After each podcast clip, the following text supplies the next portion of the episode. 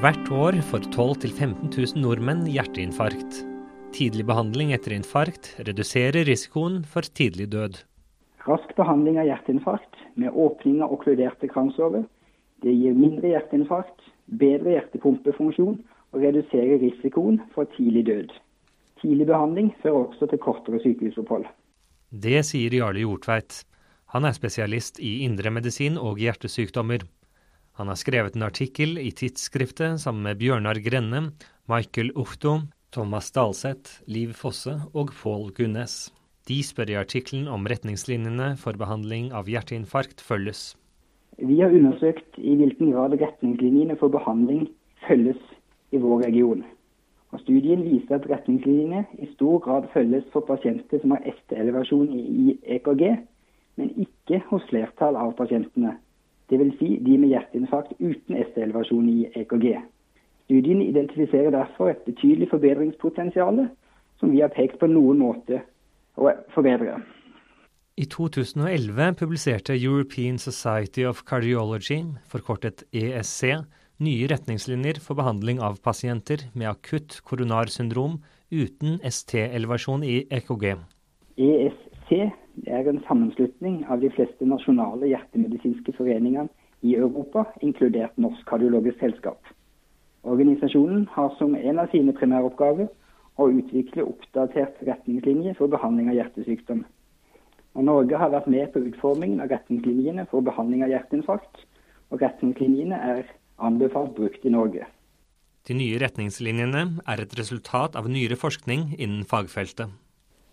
ST-elevasjon i EKG er forbundet med tette kransårer og hjerteinfarkt. Men to tredjedeler av alle pasienter med hjerteinfarkt mangler ST-elevasjon i EKG. Og Nyere forskning viser at man ved røntgenundersøkelse av kransårene, det vi kaller koronarangiografi, kan påvise en eller flere tette kransårer hos opptil 30% av pasientene uten ST-elevasjon i EKG.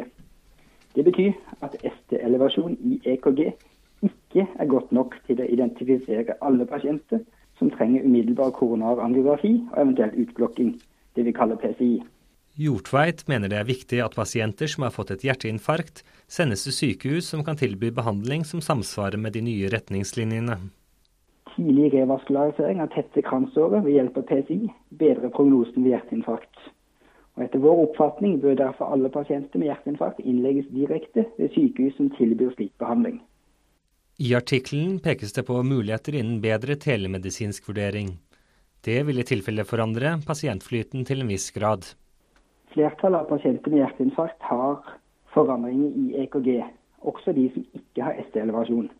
Det, sammen med en god sykehistorie før innleggelse, kan identifisere pasienter med mistanke om hjerteinfarkt, slik at de kan kjøres direkte til PCI-sykehus, og dermed få mulighet til raskere behandling.